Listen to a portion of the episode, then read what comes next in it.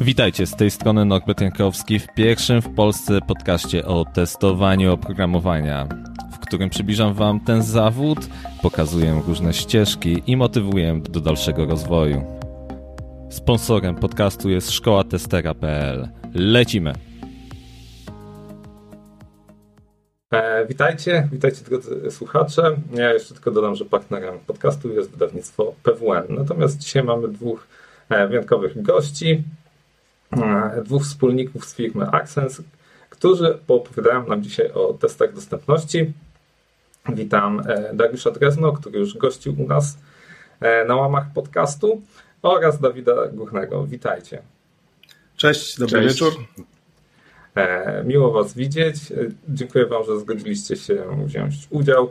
Dzisiaj mamy czwartek, nie piątek. Normalnie jest nadawane w piątek, więc e, jesteście szczęściarzami, bo dużo osób narzeka, że to jest w piątek o 20, ale tak jak rozmawiali przed rozpoczęciem, no, jakoś w piątki jest najwięcej osób.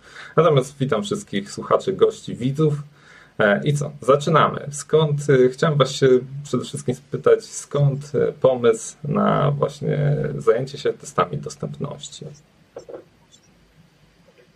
okay, to po pierwsze dziękujemy za zaproszenie. Ja się cieszę, bo drugi raz jestem u Ciebie gościem na, na podcaście i dobrze wspominam ten pierwszy, kiedy opowiadałem o studiach podyplomowych z testowania. Tak w ogóle to siedzimy w Krakowie, więc pozdrawiamy, pozdrawiamy z Krakowa. Y, z naszego biura i skąd pomysł na testy dostępności.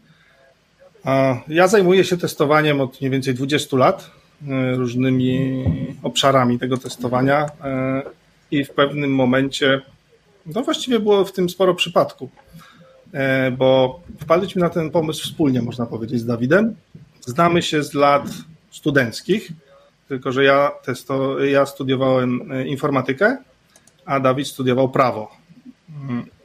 Ale poznaliśmy się przez wspólnych znajomych, potem gdzieś tam po studiach kontakt nam się trochę urwał i po wielu, wielu latach spotkaliśmy się w jakiejś tam sprawie, siedliśmy razem przy kawie e, i Dawid, e, który korzysta z wielu mm, technologii asystujących na, na co dzień, e, coś tam sprawdzał w telefonie, w zegarku i coś go zniecierpliwiło, delikatnie mówiąc. I zaczął się skarżyć na to, co tam nie działa, a co działa. Ja w tym momencie stwierdziłem olśniony, Dawid, ale z ciebie byłby idealny tester dostępności. E, Dawid zapytał, ale co to znaczy, tak? I, i to był właściwie początek. To było już jakieś, nie wiem, ze trzy lata temu może? Mniej więcej. Mhm. Ja już wtedy prowadziłem swoją firmę pod, pod nazwą Dreadar, w której pomagałem innym firmom ogarnąć sobie testowanie, dokumentację techniczną i, i szkolenia. No i stwierdziliśmy, dobrze, to może spróbujmy dodać do oferty Dredara mm, testowanie dostępności.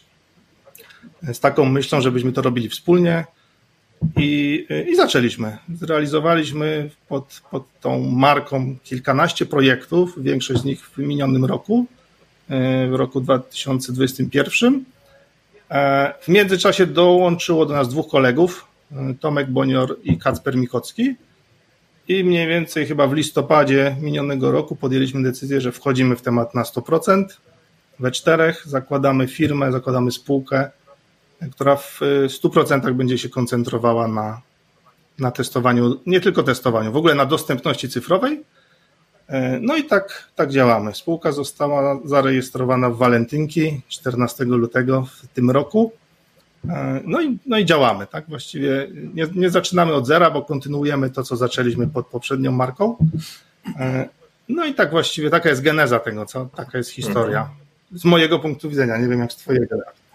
Tak, tak, to się zdecydowanie pokrywa z moimi wspomnieniami, także e, właściwie nie mam tu nic do dodania, tylko muszę powiedzieć, że jako osoba niewidoma, bo to chyba nie wybrzmiało, byłem bardzo zdziwiony, że część rzeczy da się zrobić naprawdę dużo lepiej.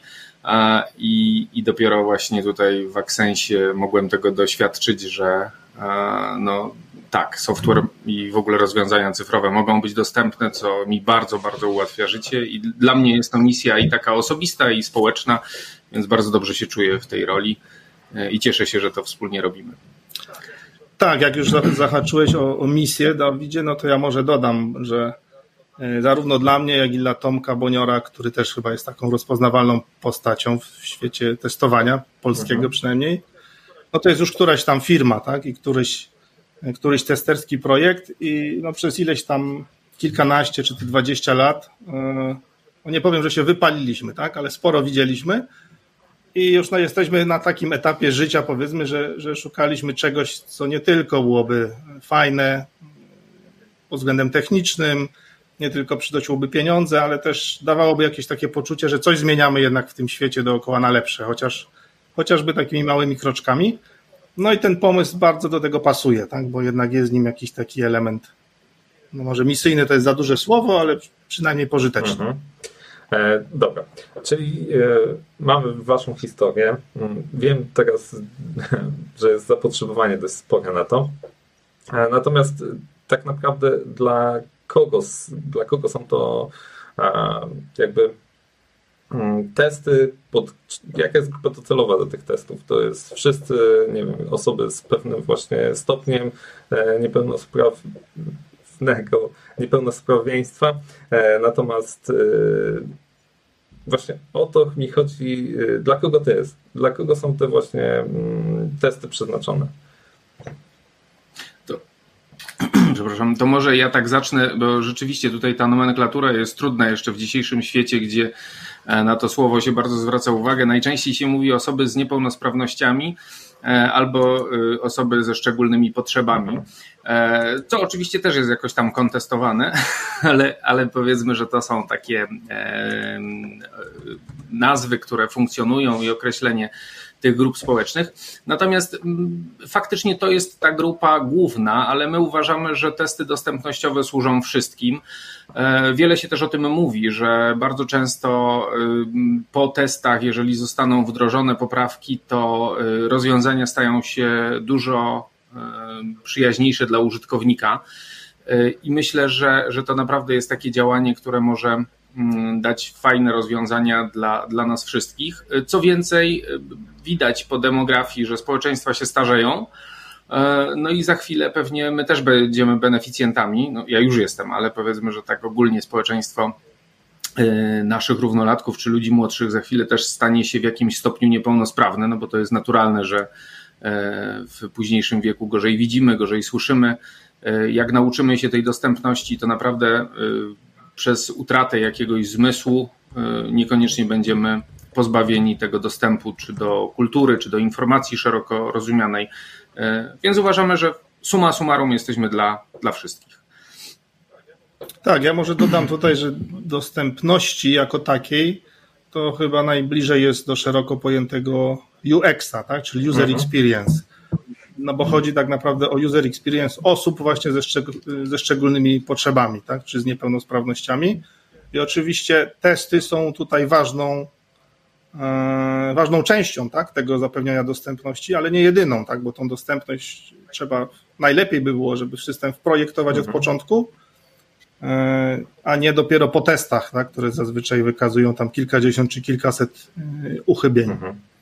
E, ale generalnie tak, to można powiedzieć, że to jest dla, to jest dla wszystkich, bo każdy z nas e, w jakimś tam wycinku swojego życia bardzo prawdopodobne, że będzie się borykał z jakąś e, niepełnosprawnością, tak? Wzrok się nie wyostrza z wiekiem, podobnie słuch się nie poprawia.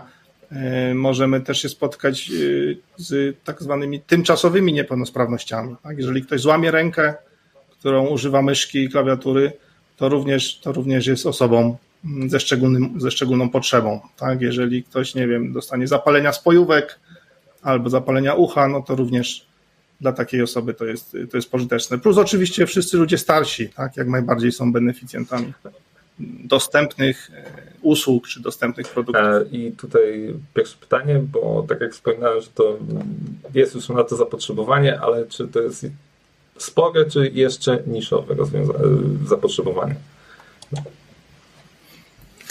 No, z naszych obserwacji wynika, że ta świadomość się bardzo mocno budzi, odkąd y, weszła ustawa o y, dostępności cyfrowej, o konieczności jej zapewniania dla podmiotów publicznych, y, bo tu musimy zwrócić uwagę na to, że póki co podmioty publiczne są zobligowane do tego, żeby tę dostępność zapewniać, to nagle ludzie zaczęli się o tym dowiadywać. Faktem jest, że już sama dostępność i konieczność jej zapewniania jest dłużej w Polsce, bo to już właściwie od konwencji ONZ o prawach osób niepełnosprawnych się o tym mówiło, ale jakoś ten temat nie mógł się zakorzenić. Nagle, jak już e, okazało się, że można e, ponieść konsekwencje również finansowe za niezapewnienie tejże dostępności, mm, no to ludzie się zaczęli tym interesować. Jakoś ten czynnik finansowy zaktywizował e, i, i faktycznie coraz więcej osób o to pyta. Więc cały sektor publiczny na pewno e, tak, już jest e, tutaj dosyć świadomy tego, że powinien e, zapewniać. Niekoniecznie ludzie jeszcze rozumieją, co to znaczy. Natomiast my też obserwujemy z dużą przyjemnością i satysfakcją, że w sektorze prywatnym się pojawiają firmy, instytucje, które, które chcą też tę dostępność zapewniać, mimo tego, że takiego obowiązku nie mają póki co i nie muszą żadnych konsekwencji za niezachowanie jej ponosić. Ale widzą w tym na pewno jakieś cele biznesowe, bo tu myślę, że możemy e, stwierdzić wyraźnie, że na przykład osoby niewidome to jest bardzo wierna grupa klientów, dlatego że e, my, bo też się do nich zaliczam, no uczymy się każdego rozwiązania. To nie jest tak, że zerkniemy i myślimy, o coś jest fajne, coś jest niefajne. My to musimy jednak E, poeksplorować, e, sprawdzić praktycznie każdy element i dopiero potem możemy z czegoś skorzystać. E, no więc jak już się nauczymy, gdzie te elementy się znajdują, jak łatwo i szybko do nich dotrzeć, no to chętnie zostajemy przy tym rozwiązaniu.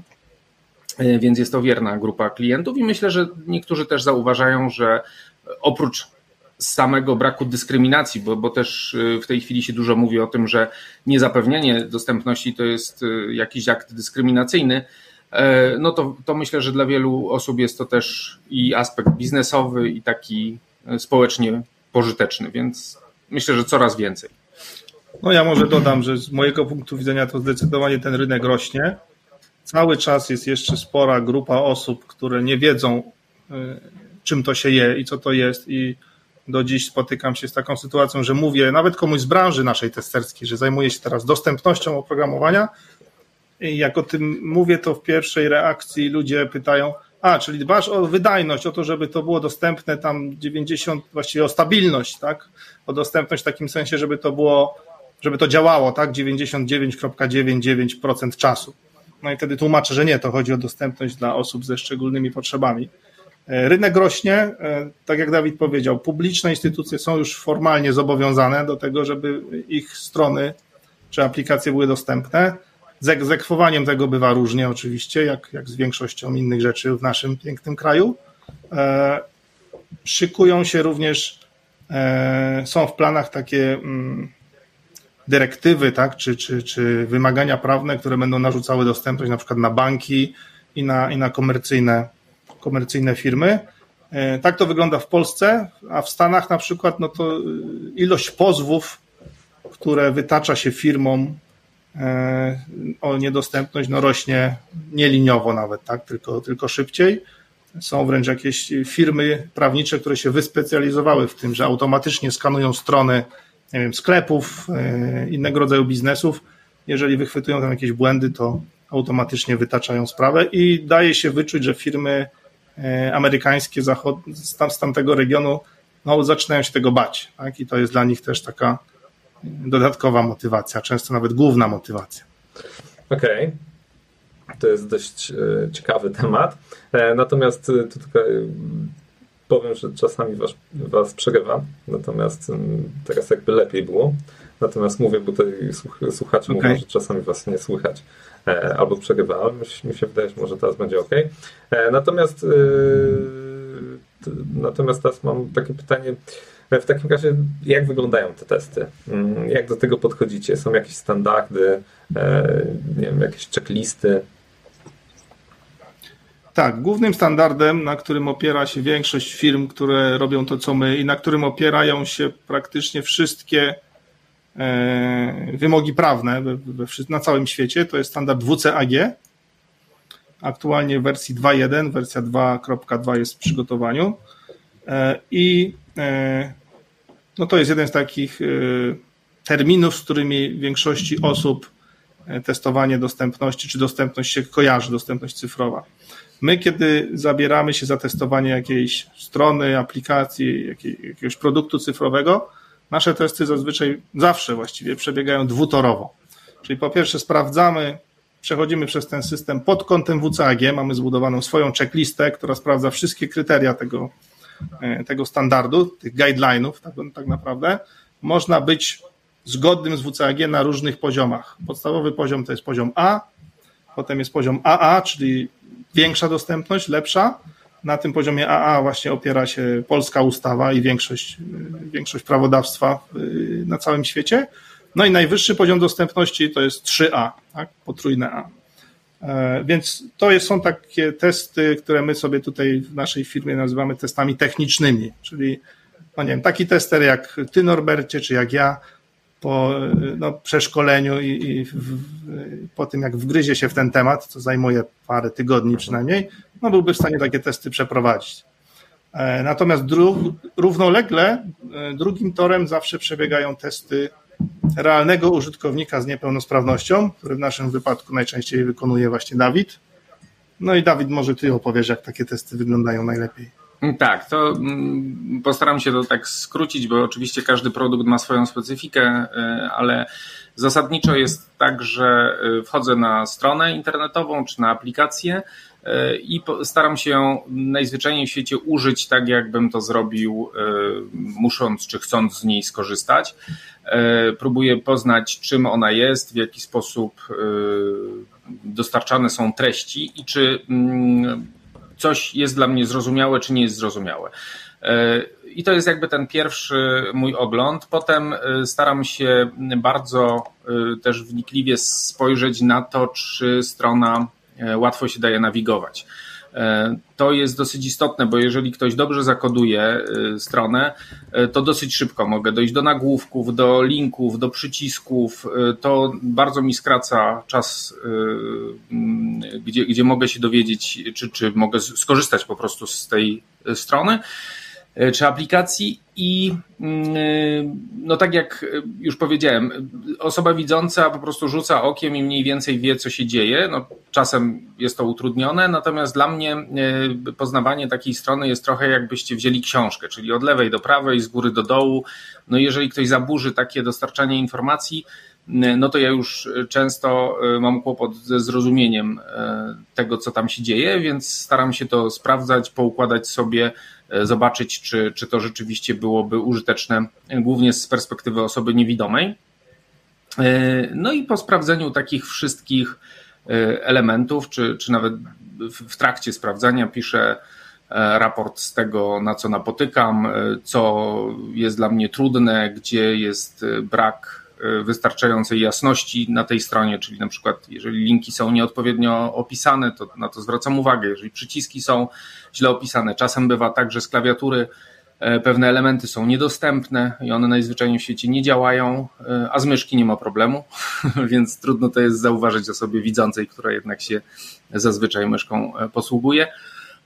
No i, i taki raport sporządzam i, i dostarczam i potem to kompilujemy i razem z tym drugim raportem dostarczamy do. Tak, ja może powiem takim bardziej już testerskim językiem, czym się takie testy kończą. Zazwyczaj na, na wyjściu dostarczamy raport z testów, taki podsumowujący wszystkie działania, i do niego załącznikiem jest checklista, która pokazuje dokładnie, które wymaganie, który punkt WCAG został spełniony, a który nie został spełniony, jeżeli nie został spełniony, to oczywiście jest opis tego problemu. Bardzo często dajemy też sugestie, jak można go poprawić. E, I to jest ta część taka techniczna. Oczywiście w raporcie jest podsumowanie, ile było błędów, jakiej wagi, tak, ile to zajęło. E, a wsad Dawida, no to są takie raporty, można powiedzieć, z sesji eksploracyjnych, tak, mówiąc językiem testerskim. Czyli jeżeli mamy stronę internetową do przetestowania, właściwie każda podstrona e, to jest taka osobna sesja, którą no, Dawid opisuje, tak? jak, jak wygląda mu, jak przebiegało jego korzystanie z tej konkretnej podstrony. E, Dawid, mam do Ciebie pytanie, czy jak e, przegląda stronę, która jest dostosowana i niedostosowana, to od razu jest w stanie, jesteś w stanie powiedzieć, która jest prawidłowo przygotowana, która nie? To jest Trudne pytanie, bo najczęściej się orientuję szybko, bo, bo najczęściej już na poziomie menu albo tuż po natrafiam na jakieś problemy, jeżeli strona jest niedostosowana, natomiast jak jest dostosowana, to przyznaję, że na początku nigdy nie dowierzam, bo to jest jednak póki co wyjątek od reguły i rzadko które strony są naprawdę dobrze stworzone, tak żeby one były w pełni albo przynajmniej w dużym stopniu dostępne. Okej, okay. a to mam kolejne pytanie. Mm, czy w zasadzie od, słuch od słuchaczki, e, czy jest dużo dostępnych e, na rynku osób, które też się tym zajmują, czyli testerów? Czy jest dużo testerów, czy jest ich mało? My, jak założyliśmy Access, no to staraliśmy się dotrzeć do, do ludzi, którzy się tym zajmują. Są grupy na Facebooku, są ludzie na, na LinkedInie, ja sam, jak wiesz, mam, mam no, myślę, że jedną z większych sieci hmm. znajomych testerów w Polsce. No, przez same studia podyplomowe też kilkaset osób się przewinęło. Zatrudniłem pewnie też już ponad 100 osób i, i tak dalej. E, więc e, wydaje mi się, że to jest cały czas nisza. E, spotkaliśmy po drodze kilka osób, które się tym zajmują. Mm, bardzo niewiele, wydaje mi się, jest osób, które się w tym specjalizują. Jest to ich jedyny jedyny, e, jedyne zadanie, powiedzmy tak, w pracy. Są firmy, e, nie jesteśmy pierwszą firmą, która się tym zajmuje, są firmy, które zajmują się tym od kilku czy nawet kilkunastu lat.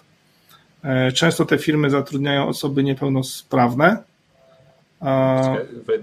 ale, ale ten rynek cały czas, wydaje mi się, jest niezagospodarowany. Jesteście jedyni na rynku. Okay, nie jesteśmy jedyni. Mówię, że są firmy, które istnieją na rynku od kilku czy kilkunastu lat. Mówię o Polsce. E, często pracują w nich osoby z niepełnosprawnościami, e, ale wydaje mi się, że cały czas tych osób nie ma, e, nie ma zbyt wiele w Polsce. Jest to takie trochę niezagospodarowane poletko. Mm, no, ono też jest świeże, tak? Cały czas wydaje mi się, że nasi klienci dopiero odkrywają często, że potrzebują to zrobić albo że chcą to mhm. zrobić. Więc e, no, można powiedzieć, że być może ten rynek nadąża tak, za potrzebami. E, na pewno to, co widzimy, bo obserwujemy też rynek zagraniczny, na pewno widać, e, że w skali globalnej takich osób brakuje. Czyli pojawiają się oferty pracy, coraz jest ich więcej, coraz częściej. I, I my sami właściwie w momencie, jak tylko gdzieś tam na LinkedInie przestawiliśmy sobie opis tak, na to, że teraz zajmujemy się głównie dostępnością e, i tego rodzaju projektami, to sami zaczęliśmy dostawać bardzo ciekawe momentami oferty z bardzo ciekawych mhm. firm. Więc to, to świadczy chyba o tym, że mm, no, nie jest to jeszcze do końca sprofesjonalizowana w Polsce, w Polsce działka, no co wcale nie jest dla nas takie złe, tak? Ale, ale e, no myślę, że jest niedosyt na rynku takich osób i on będzie się powiększał.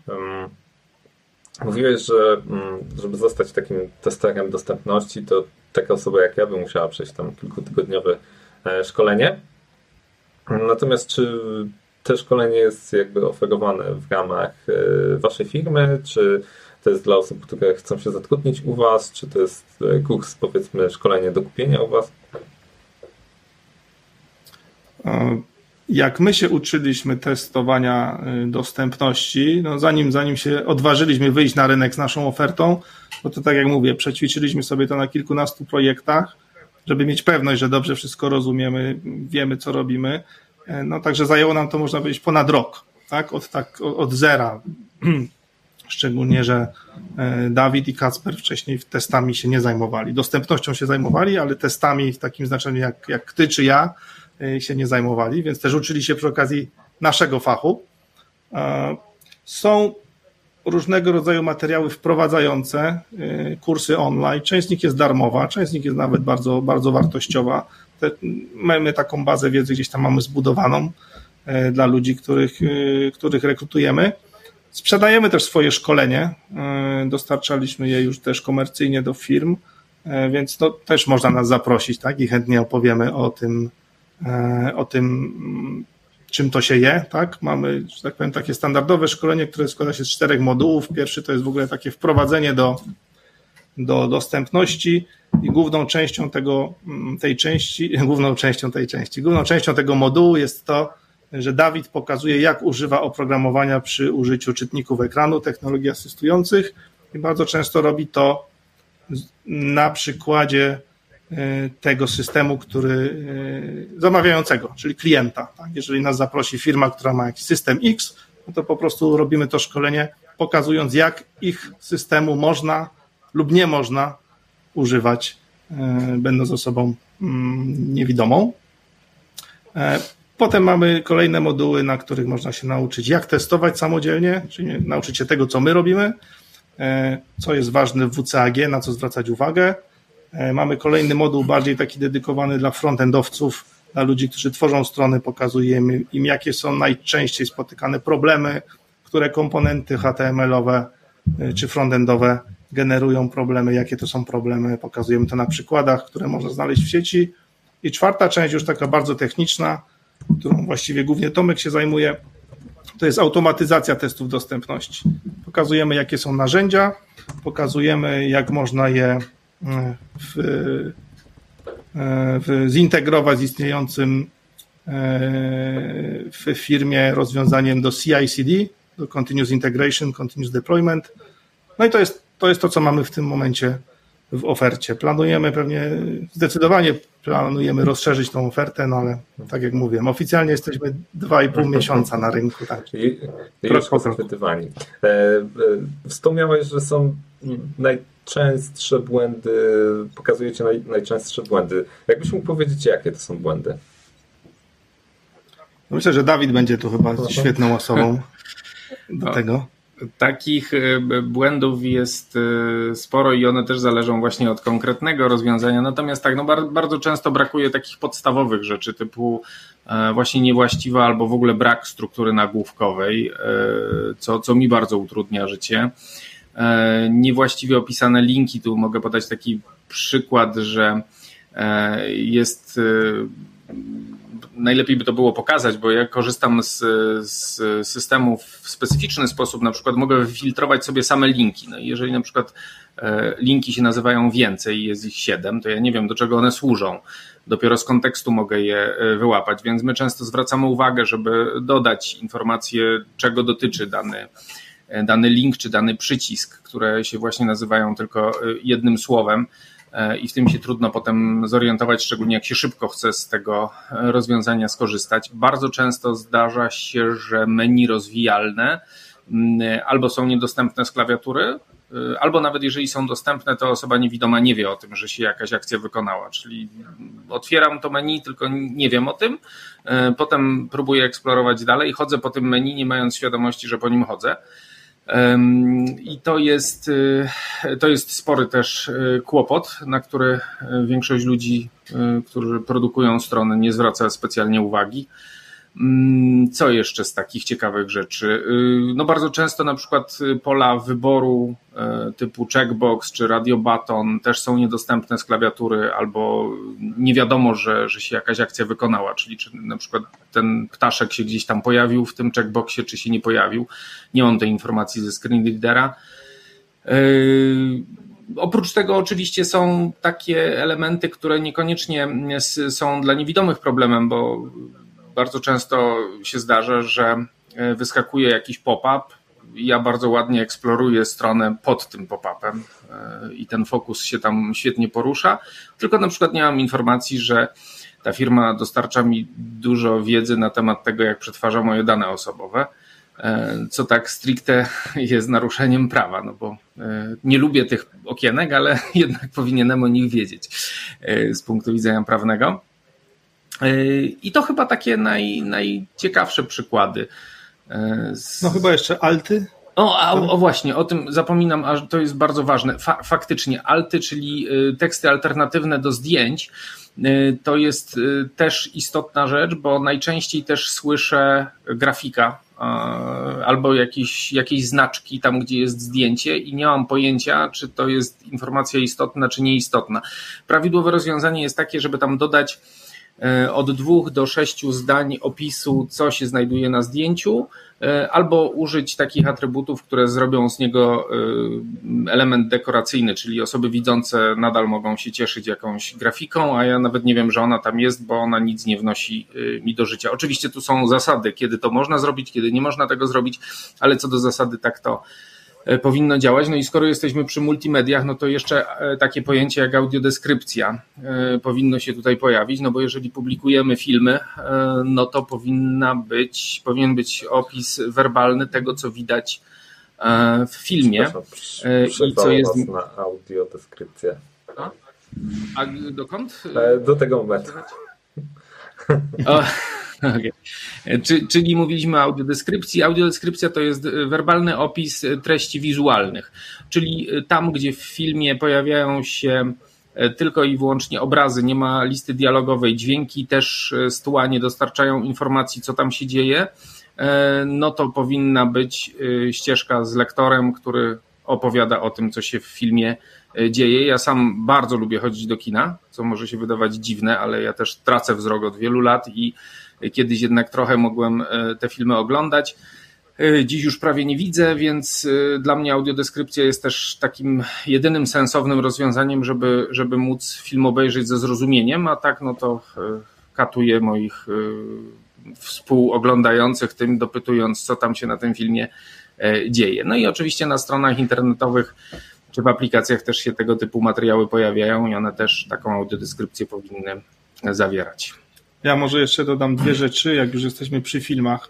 Po pierwsze, jeżeli chcecie poczuć klimat, że tak powiem, i przekonać się na własne uszy, czym jest audiodeskrypcja, to polecam sobie wygooglować e, dostępny za darmo w sieci film Dzień Świra z audiodeskrypcją.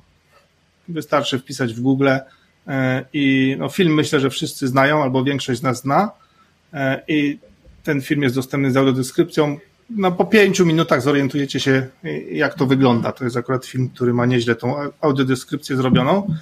E, skupiliśmy się na osobach, e, które nie widzą, ale również są osoby przecież, które nie słyszą i dla nich w wypadku wideo, no to krytyczną rzeczą są napisy, a w momencie, kiedy e, jest jakieś wydarzenie na żywo, tak jak na przykład teraz, tak, no to takie osoby chciałyby, żeby gdzieś tutaj w rogu ekranu był tłumacz języka migowego zapewne.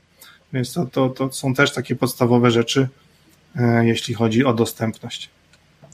E, okej. Okay. Jeszcze wcześniej wspominałeś, tylko cię troszkę urwało, mm, Darku, że pracujecie też nad automatyzacją mm, sprawdzania. Tak, tak. Tak, mówiłem, że mamy taki moduł szkoleniowy, na którym pokazujemy narzędzia do automatycznych testów dostępności, które można sobie e, zintegrować z istniejącym rozwiązaniem e, do Continuous Integration, Continuous Deployment. Tym się zajmuje akurat u nas Tomek Bonior, więc on jest największym ekspertem. Takie narzędzia oczywiście nie wykryją wszystkich błędów dostępności, ale potrafią na wczesnym etapie zaalarmować właśnie, jeżeli nie ma altów e, i jakichś takich podstawowych rzeczy. E, więc tak, też są, też są takie możliwości. Można sobie te testy zautomatyzować w sporym stopniu. Ale zawsze, zawsze też podkreślam, że testowaniu dostępności i sami się o tym przekonaliśmy już y, wielokrotnie. Ten komponent, że tak powiem, UX-owy, czyli ten komponent testów y, robionych przez realnego użytkownika z niepełnosprawnością, no, jest nieodzowny.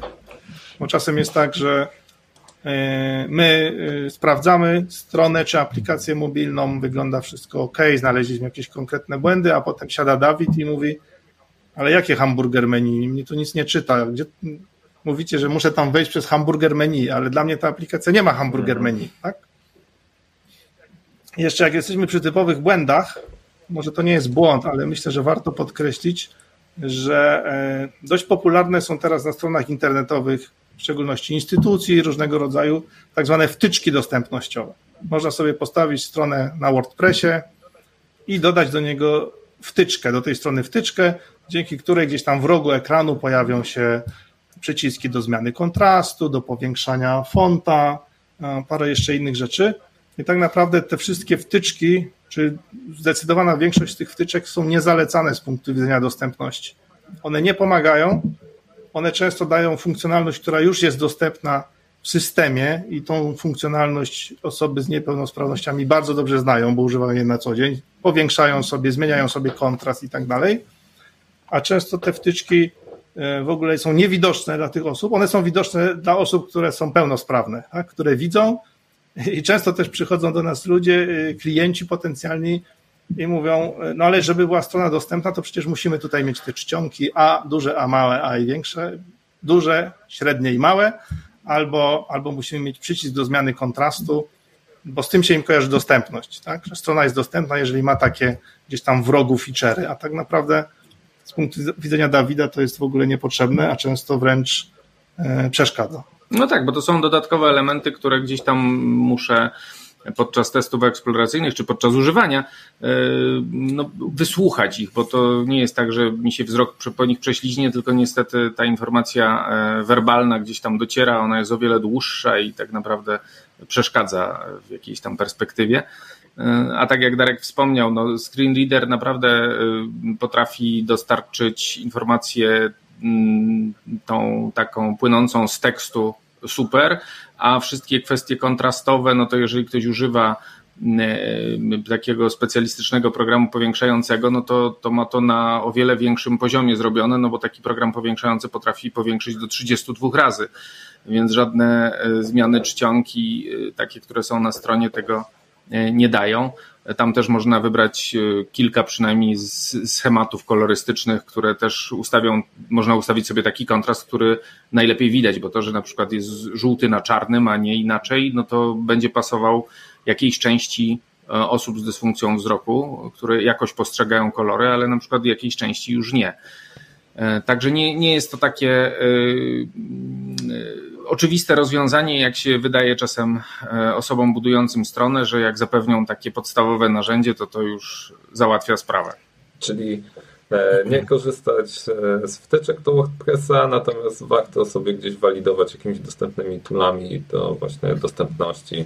A jak jest duża potrzeba, to po prostu zgłosić się do Was. No tak, ja, ja nauczyłem się to na swoje potrzeby, to definiuję. Nauczyłem się na tych naszych projektach i przy współpracy z Dawidem i z Kacprem, że tak naprawdę chyba naj, największą, e, najbardziej dostępną metodą na robienie e, stron czy, czy aplikacji jest prostota. Po prostu, żeby tam było jak najmniej elementów, żeby one były zrobione zgodnie ze sztuką, czyli zgodnie ze standardem HTML-a i bez dodatkowych wodotrysków i wtedy one są najbardziej dostępne i najbardziej użyteczne. Okej. Okay. To jeszcze jest pytanie od e, Angeliki. E, skąd, w jaki sposób czerpać wiedzę na temat testowania dostępności? Chodzi mi o poziom bardziej zaawansowany, nie o kursy wprowadzające.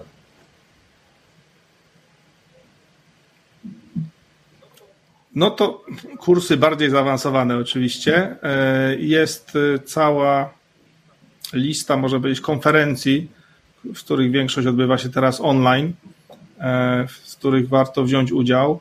My na przykład niecały miesiąc temu byliśmy na trzydniowej konferencji, która się nazywa AXE Conf. Mhm. I co ciekawe, e, po zarejestrowaniu na, na stronie tej konferencji, nawet teraz macie dostęp do trzech dni po prostu bardzo ciekawych wykładów, e, chyba w trzech czy czterech równoległych trakach. Myśmy po prostu trzy dni spędzili na konferencji ona była tam głównie robiona przez ludzi z, ze Stanów, ale no, wiele ciekawych rzeczy można było się tam dowiedzieć i technicznych, i mniej technicznych, i organizacyjnych, i zarządczych. Także na pewno polecam oglądanie czy, czy branie udziału w, w takich konferencjach. E, no trzeba też y, pobrudzić sobie ręce tą pracą, tak? Czyli trzeba popróbować, trzeba używać narzędzi, E, porównywać się z tym, co robią, co robią inni, tak? Można się skonsultować, czy to z nami, czy z innymi osobami, które się tym zajmują. E, na Facebooku jest grupa, która się nazywa bodajże Web Accessibility. E, jest sporo grup na LinkedInie zawodowych, angielskojęzycznych. Także ta społeczność jest dosyć taka prężna, powiedziałbym, tak? Jeżeli ktoś chce się tego nauczyć, to, E, to tych materiałów jest sporo, no ale czasem oczywiście aż za dużo, tak, bo trzeba wiedzieć, co wybrać. Ale wydaje mi się, że najważniejsza jest, jest jednak praktyka, czyli trzeba e, albo wziąć skądś, albo zbudować sobie własną checklistę WCAG przeczytać dokładnie WCAG i towarzyszące dokumenty, bo tego jest naprawdę dużo, ale te dokumenty są bardzo konkretne, to są mięsne dokumenty, one często pokazują na przykładach w HTML-u, jak pewne rzeczy robić, jak ich nie robić, więc no, to są takie główne źródła wiedzy, które bym mhm. wymienił. I myślę, że bardzo, bardzo, bardzo dla nas wszystkich tutaj y, pouczające jest po prostu asystowanie czy przyglądanie się e, testom, które wykonuje na przykład Dawid, tak? osoba, osoba z niepełnosprawnością. Jak my zaczynaliśmy naszą współpracę i, i musieliśmy tam przygotować jakieś demo dla, e, dla, dla firmy, która nas zaprosiła na hackathon, e, no to, to był jakiś tam akurat okres świąteczny, kupowanie prezentów na Mikołaja. Ja akurat ja byłem wtedy u Dawida E, no i zobaczyłem, jak Dawid kupuje prezent tak, dla córki. E, wiedział, co chce kupić, dokładnie wiedział, co to ma być, jaki model, tak, i ile mniej więcej to kosztuje. I to zajęło mu 40 minut. No to porównajcie sobie to z, z czasem, jaki, jakiego wy potrzebujecie, żeby kupić coś online. Tak? Wchodzimy, wpisujemy, skanujemy wzrokiem, tak, wybieramy sobie cenę nie najdroższą, nie najtańszą, pewnie wybieramy sposób dostawy i w 5 minut mamy, mamy to, co chcemy. Tak? Dawid musiał wejść na stronę, przeczytać wszystko, co jest na tej stronie, łącznie z informacją o RODO, łącznie z reklamami, a jak potem wpisał sobie jakieś tam hasło, no to wyskoczyła mu, no nie wiem, cały ekran ofert, tak?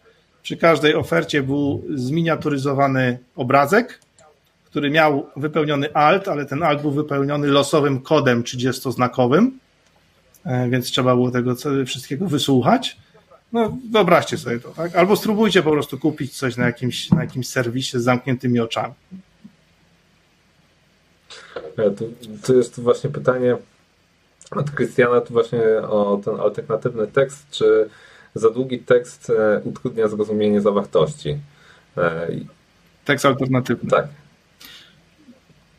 No, dlatego jest taki, przy, przyjmuje się, że to powinno być od dwóch do sześciu zdań maksymalnie. Oczywiście może być mniej, może być trochę więcej, natomiast e, teksty alternatywne mają taką cechę, że e, właściwie trzeba ich wysłuchać od początku do końca i jak się chce wrócić do czegoś, to znowu się słucha od początku do końca, bo tam nie bardzo można sobie po słowie czy po wyrazie e, odsłuchać tego, tak żeby dojść do tych informacji, które wydają się być interesujące. Mm, ja mam takie mm, zalecenie, y, jeżeli ktoś chce tego typu treści dostarczać w dłuższej formie, bo to się zdarza, to lepiej zrobić tekst audiodeskrypcyjny. On już może być wtedy dłuższy. Przyjmuje się, że tutaj do 1800 znaków, e, czyli taka normalna strona A4 e, to jest, to jest taka e, ok audiodeskrypcja. Oczywiście to może być krótsze, raczej żeby nie była dłuższa, chociaż też jak jest taka potrzeba, to, to może być.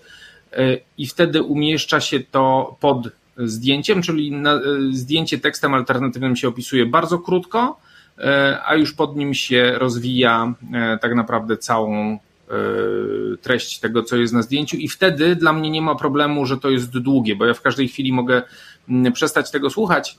To jest jedna rzecz, ale z drugiej strony łatwo będę mógł dotrzeć do tych informacji, które są E, dla mnie interesujące, czyli mogę nie słuchać całych e, linii czy całych zdań, e, tylko mogę sobie to szybko gdzieś tam przewinąć i, i bez problemu odsłuchać. Myślę, że to jest takie chyba najlepsza praktyka, jaką można zastosować. Ale w samym alt tekście raczej nie zalecałbym przekraczania tych sześciu krótkich zdań. I to, to te teksty alternatywne też muszą się charakteryzować tym, że to są krótkie zdania oznajmujące, E, takie, które e, no, nie są wielokrotnie e, złożone, bo, bo to jest problem. No wiadomo, że krótkie zdania oznajmujące nie są złożone w ogóle, ale, ale tutaj chodzi mi o to, żeby unikać takich form. To ma być proste, łatwe w zrozumieniu, dostarczające bardzo konkretnej wyselekcjonowanej też przez osobę widzącą informacji, bo nie jesteśmy w stanie nawet w audiodeskrypcji tak naprawdę dostarczyć wszystkich informacji, szczególnie jeżeli jest to obraz zawierający wiele szczegółów, które są jakoś tam e, interesujące, nawet jak na niego długo patrzymy. No to możemy sobie wziąć pod uwagę choćby jakiś obraz. E, no i wiadomo, że wtedy w audiodeskrypcji na jedną stronę nie jesteśmy opisać wszystkiego, co się na tym obrazie dzieje. E, okej, okay, to jeszcze mam pytanie odnośnie wchodzenia jakby w testowanie. I to jest, było pytanie, czy jest szansa, żeby ktoś, kto rozpoczyna zabawę z testowaniem, mógł się właśnie w testach dostępności odnaleźć.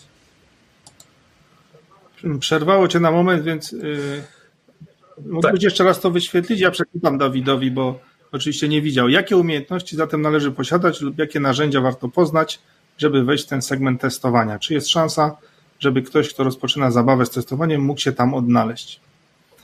Ok, więc yy, jest parę takich typowych narzędzi, które my używamy do testów. Yy, nie do testów automatycznych, tylko po prostu jak, jako taki toolkit testera technicznego. E, tych narzędzi jest dużo więcej, ale tych, które my używamy, to jest IBM Equal Access Accessibility Checker, AXE, AXE, dużymi literami, ARC Toolkit, ARC, Wave Evaluation Tool i Andy. E, możemy to potem tak, może gdzieś tak, podlinkować. Dodamy później w opisie do, do odcinka. Także to są takie podstawowe, podstawowe narzędzia. E,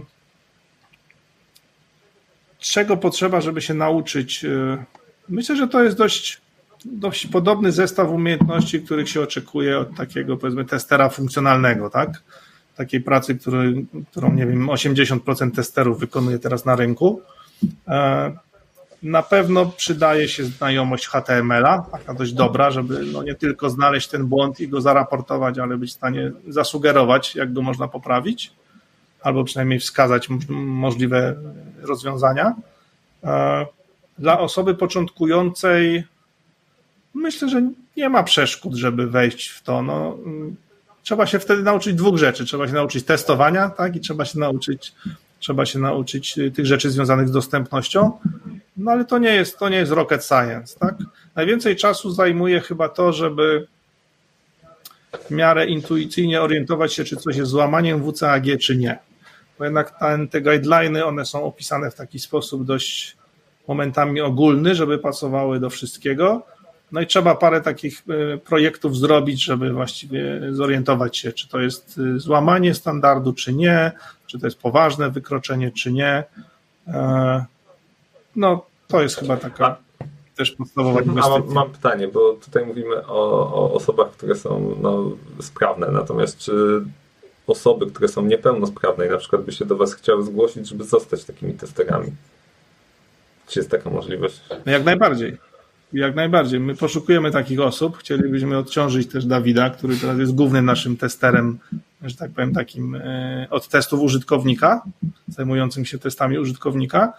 Także jak najbardziej. Te osoby, można powiedzieć, one już mają na początku przewagę, szczególnie jeżeli no, korzystają na co dzień z rozwiązań cyfrowych, są aktywne, nie boją się technologii, no i próbują walczyć z tym, z tym otaczającym światem. Mówię walczyć, no bo często to jest niestety walka, tak? I, i takie osoby bardzo chętnie za, zaprosimy do nas. E, powiemy, jak to wygląda. Jeżeli byśmy się zdecydowali na nawiązanie współpracy, to, to nauczymy je testowania. Mhm. Tak? W, tym akurat, w tym akurat ja mam wprawę, bo już robię to tam prawie 20 lat, więc yy, wielu już, tak powiem, wiele osób spoza branży udało mi się gdzieś tam przekonać i wprowadzić do, do testowania. Także Dawid może powiedzieć, jak bardzo bolesne to było, albo bezbolesne, ale. Ja jestem bardzo zadowolony. E, tutaj słuchacze dziękuję za odpowiedź. Ja jeszcze tu mam pytanie odnośnie tych zakupów, o których e, wspominaliście. Czy to się jakoś by jeszcze dało skrócić z tych 45 minut? Tak, to się, to się daje skrócić, tylko że no, trzeba szukać sposobów, które są wprowadzone tak naprawdę przez e, twórcę, czyli jeżeli on odpowiednio to poopisuje, to ja potem nauczywszy się jego systemu mogę trochę poskracać, bo mogę już skoczyć do sekcji z wynikami, albo jeszcze lepiej, jak e, wpiszę hasło, to od razu mnie ustawi na początku listy wyszukiwania. Kiedyś to nie było standardem. E, dzisiaj też to obchodzę w ten sposób, że korzystam z aplikacji mobilnej i tam jest to dla mnie dużo prostsze i łatwiejsze. E, poza tym zintegrowane z systemem płatności Apple Pay, więc już wiecie z czego korzystam. Więc od razu, od razu mogę zapłacić z tego poziomu. I, I to jest rzeczywiście droga dla mnie o wiele szybsza. Ja też bardzo często robię powtarzalne zakupy i wtedy te zakupy trwają dla mnie już naprawdę kilka minut, więc jak już wiem, w którym sklepie wiem, co chcę kupić, to to, to jest znacząco łatwiejsze i szybsze.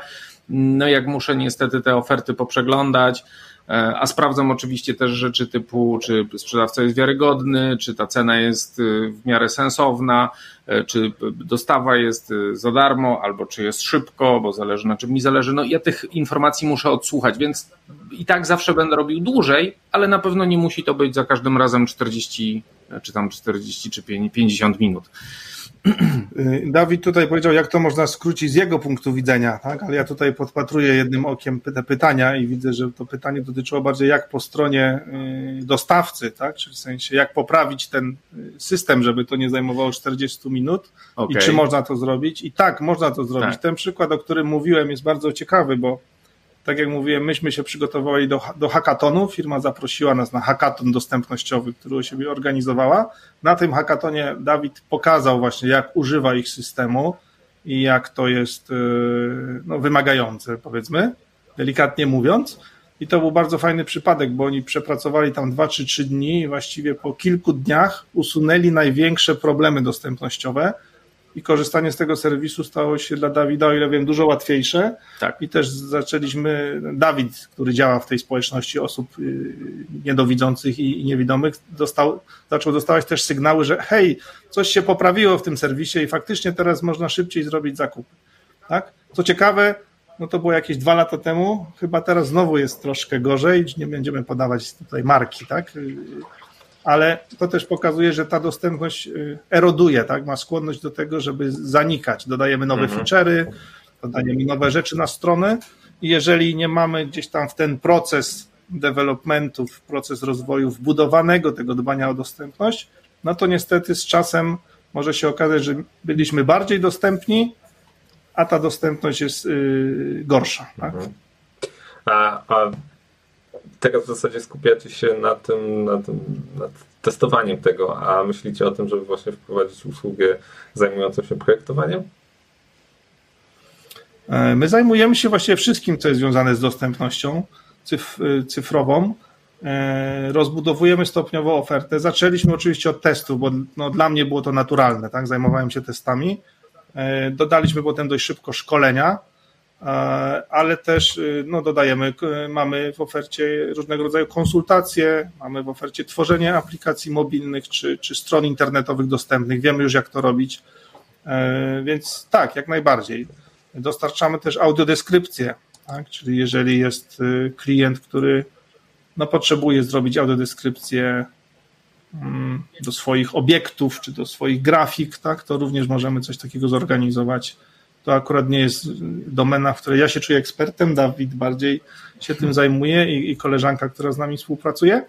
E, ale tak, no generalnie staramy się poszerzać to i też z mojego punktu widzenia mogę powiedzieć, że im dłużej jestem w tej tematyce dostępności, tym widzę, że coraz szerszy ten ocean jest, na który wypłynęliśmy i coraz więcej ciekawych rzeczy można, można robić. E, tu jeszcze jedno pytanie się pojawiło.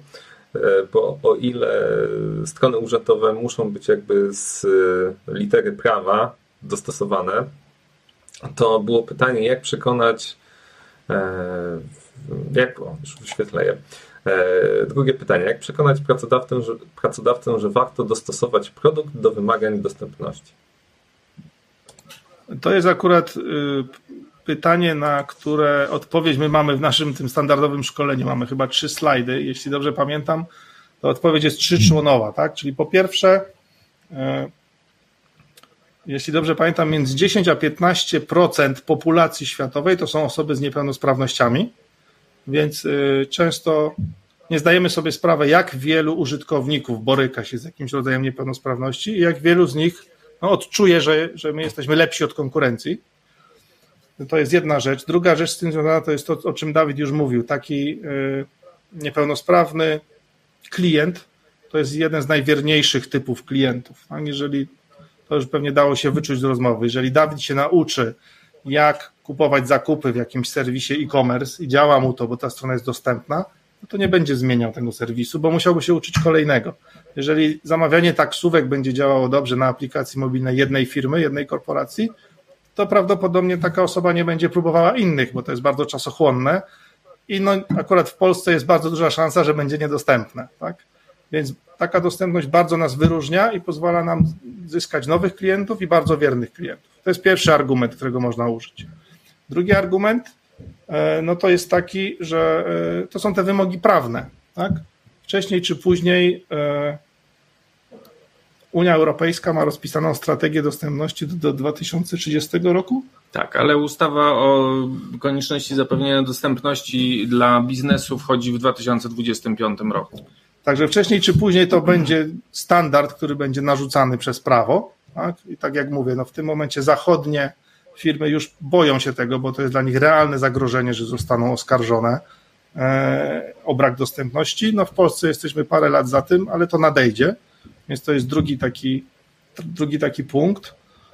No trzeci, już taki najbardziej można powiedzieć egoistyczny jest taki, że no każdy z nas może tego za jakiś czas potrzebować, tak? Bo się starzejemy, bo możemy zachorować, bo możemy, yy, mogą się pogorszyć nasze różne parametry wzroku, słuchu, ruchu i tak dalej. Yy, także no to są chyba takie podstawowe, podstawowe rzeczy, z którymi yy, no, próbowalibyśmy dotrzeć do, do szefa, czy do sponsora, tak, czy do, ja właściciela. Też, tak, ja też myślę, że taki pokaz, jak osoby y, borykają się, no choćby na moim przykładzie, z różnego rodzaju niedostępnościami jest y, dosyć przekonujący, dlatego że y, no, jak człowiek tego nie zobaczy, to nawet nie zdaje sobie sprawy z tego, co robi drugiemu człowiekowi, nie dostarczając tej dostępności. I to nie, nie, nie, mówię tego po to, żeby jakoś tutaj wychodzić na ofiarę, bo to nie o to chodzi. E, tylko chodzi o sam, o sam fakt, że wystarczy dołożyć trochę więcej staranności. I naprawdę ten świat staje się dużo przyjaźniejszy dla nas wszystkich, bo brak dostępności to, to naprawdę jest dyskryminacja. E, myślę, że to, to jest takie mocne słowo, ale ono jest bardzo adekwatne, no bo jeżeli ja nie mogę skorzystać choćby z oferty filmowej, bo to jest takie, myślę, coś, co dotyczy nas wszystkich, no to jak ja sobie z wami pogadam o jakimś filmie, czy się z niego pośmieję już na tak, nawet na takim poziomie towarzyskim, prawda? No jak nie mam tej audiodeskrypcji, no to jestem tego pozbawiony. No jeżeli nie mogę przeczytać jakichś wymogów prawnych, no to tak samo nie wiem, czy mogę, mam przestrzegać jakiegoś prawa, czy, czy nie. Tutaj pandemia y, też dostarczyła nam wielu takich przykładów, gdzie choćby osoby głuche, y, gdzie nie był y, zapewniany tłumacz języka migowego, nawet nie wiedziały, jakie są zasady i musiały się tego dowiadywać w późniejszym czasie, czy, czy w ogóle no, zniechęcały się do tego, żeby szukać tej informacji, bo też osoby niepełnosprawne bardzo często są zniechęcone tym, że, że większość rzeczy jest niedostępna. No i, i, w pewnym momencie no już rozkładają ręce, mówią, no to, to trudno, no jakoś sobie w tym świecie poradzę bez y, tych informacji, no i to je też mocno y, wyklucza z, z tego świata. Ostatnio na konferencji mówiono, że w samej Unii Europejskiej 90 milionów ludzi są w jakimś stopniu, e, to są osoby w jakimś stopniu niepełnosprawne. Więc jest to rynek naprawdę bardzo, bardzo duży. Oczywiście ten stopień niepełnosprawności jest e, bardzo różny, mm, no ale, ale myślę, że sama ta liczba pokazuje, że nawet jeżeli jest to, nie wiem, 10% czy, czy 1% ludzi, którzy naprawdę potrzebują takiej grubszej dostępności, no to to już i tak idzie w miliony i jest to dla kogo robić. Mieliśmy takie przypadki właśnie na pierwszej części tego szkolenia, które dostarczaliśmy kiedyś online akurat, gdzie Dawid pokazywał, jak próbuje użyć systemu klienta. No i, i, i, ludzie pisali na czacie, o Jezu, przepraszamy, tak, że tak się męczysz, jest nam wstyd, naprawdę faktycznie źle to wygląda, musimy, musimy to poprawić. No bo to faktycznie no, jest takie, nomen, nomen otwierające oczy doświadczenie, jak się popatrzy z boku, jak, jak to wygląda. A jeszcze jedną rzecz chciałem powiedzieć, e, to jest też coś, co my rekomendujemy często klientom. Nie wszyscy się na to zgadzają, szczególnie ci instytucjon, ci, ci rządowi, czy tam publiczni, bo ich obliguje ustawa. Oni chcą spełniać ustawę, a ustawa wymaga, żeby być zgodnym z WCAG na poziomie AA. Ale jeżeli nie ma takiego wymogu, to zawsze rekomendujemy, żeby najpierw zainwestować w, w poziom A, gdzie tych wymogów jest dużo mniej, inwestycja w poprawki jest dużo mniejsza, można to zrobić dużo szybciej. I jeżeli strona, która nie była dostępna, bo nikt o tym nigdy wcześniej nie pomyślał, przejdzie z tego poziomu powiedzmy 0 tak, na poziom A, to efekt końcowy, efekt wow jest największy. Jest dużo większy niż przejście z A na AA, czy z AA na potrójne A. I będąc na poziomie A, już jesteśmy na takim poziomie, że Dawidowi w miarę komfortowo się korzysta z takiej strony i zdecydowanie jesteśmy powyżej średniej polskiej. Tak? Wyróżniamy się zdecydowanie pod względem dostępności, więc też zawsze zalecamy, żeby nie wyciągać od razu armaty, e, nie planować nie wiadomo jakiego budżetu, tylko wejść sobie na ten poziom A, a potem ewentualnie próbować, e, no ewentualnie, to bardzo by było dobrze, gdyby wszyscy byli na poziomie AA, ale no, może nie od razu Kraków zbudowano, tak? Więc próbujmy małymi krokami e, i to myślę, że to jest dobre podejście i to też pomaga, e, pomaga przekonać klientów, głównie takich właśnie biznesowych, tak? którzy liczą pieniądze, liczą budżet, niekoniecznie patrzą na ustawę jeszcze, ale chcą zrobić jakiś krok w tym dobrym kierunku. E, dobrze. I Dawid z Dakiem wiedzą, co mówią, bo dzisiaj nadają z Krakowa, więc E, natomiast e, tutaj Angelika dziękuję, bo za odpowiedź, bo jest właśnie na etapie pokazywania i przekonywania zespołu, że warto. E, I oczywiście podziękowania jeszcze od Martyny za fajną to może, ja, to może ja dodam. No, no. To może ja dodam coś i nawet z czystym sumieniem, bo to nie będzie reklama, tylko kryptoreklama, ale jeżeli chcesz, żeby ci pomóc w tym, E, na przykład chciałabyś nas zaprosić, czy, czy poprosić, żebyśmy online zaprezentowali, e, czy Dawid pokazał, jak używa waszego systemu, to my właśnie z okazji Światowego Dnia e, Dostępności, który wypada 19 maja w tym roku, stworzyliśmy taką aukcję charytatywną. Ona jest na naszym profilu LinkedIn i na naszej stronie na, w sekcji blog.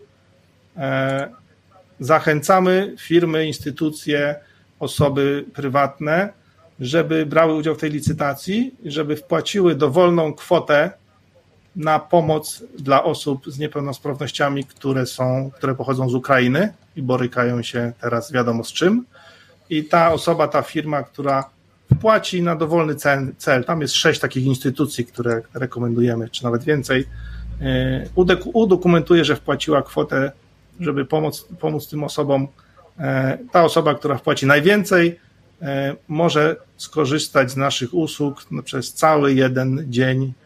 Czterech, nas, wszyscy założyciele firmy Access, czyli nas czterech, sprzedajemy się na ten jeden dzień. Możemy robić, świadczyć dowolne usługi, które są zgodne z prawem. E, możemy po prostu przyjechać, porozmawiać, ale możemy też przeprowadzić audyt, doradzić, jak zrobić testy, wykonać te testy, może coś zautomatyzować. No to są cztery osobodni, które oferujemy na, na szczytny cel z okazji tego Dnia Dostępności. Może komuś się to przyda. Dzięki, dzięki. Na pewno e, ktoś skorzysta.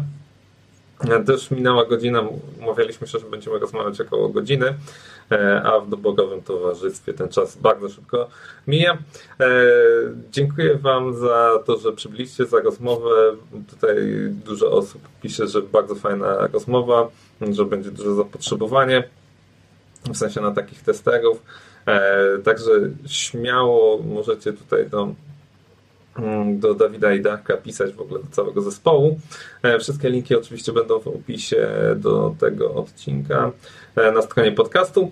I ja Wam chciałem również podziękować jeszcze raz za to, że przybyliście, odpowiedzieliście, opowiedzieliście o dostępności. No, faktycznie to jest dość ważny temat i większość z nas prędzej czy później będzie się z nim zmagała i odczuję to, że coś jest e, nie do końca e, dostosowane. E, I co? I, i, i chyba wszystko. Tak, zapraszamy do kontaktu. Możecie nas znaleźć na LinkedInie, jesteśmy też na Twitterze. No jest oczywiście strona i formularz kontaktowy, można do nas śmiało pisać. Ja bym się chciał jeszcze upewnić, Norbercie, czy faktycznie odpowiedzieliśmy na wszystkie pytania, bo tam widziałem, że było sporo fajnych pytań. Wydaje mi się, że większość tak. przeszliśmy, ale może gdzieś tam. E... Może sprawdzić. Z tego co widziałem, to, to wszystkie. Okej, okay. no to super, to super, mm. świetnie. E, także my też w takim razie bardzo dziękujemy za zaproszenie. Dziękuję. Jak, zwykle, dziękujemy. jak zwykle to była przyjemność gościć do e, Ciebie. Dzięki. Polecamy się na przyszłość, może kiedyś znowu o czymś powiemy. E, I jeszcze raz powiem, że wszystkie linki będą dodane do tego odcinka, to już będzie pewnie transkrypcja. Mm, natomiast były tam dwa, trzy momenty, w których e, przerwało na chwilę, więc jakby będzie potrzeba dodatkowych informacji przy transkrypcji, albo żeby to powiedzieć, to jeszcze do Was się odezwę, żeby to uzupełnić. No i co? Miłego wieczoru, trzymajcie się. Na razie. Dziękuję Wam, że wysłuchaliście kolejnego wspaniałego, cudownego odcinka i będę na Was zły, jeżeli tego nie polubicie, nie szerujecie, wiecie o co chodzi. To są media społecznościowe, tym trzeba się dzielić, żeby to działało. To będzie dla mnie największa wdzięczność, jeżeli to zrobicie. Oprócz tego pamiętajcie, że prowadzę szkołę testera.pl, gdzie od zera do bohatera hmm, mogę Was przeprowadzić przez ścieżkę, jak zostać testerem technicznym. Natomiast zawsze możecie wspomóc tworzenie tego e, wspaniałego podcastu poprzez stronę Patronite lub po prostu klikając w link postaw mi kawę. Natomiast jeżeli jesteście zainteresowani mm, moimi t-shirtami, to zapraszam na fuckit.com.pl. Trzymajcie się, do usłyszenia.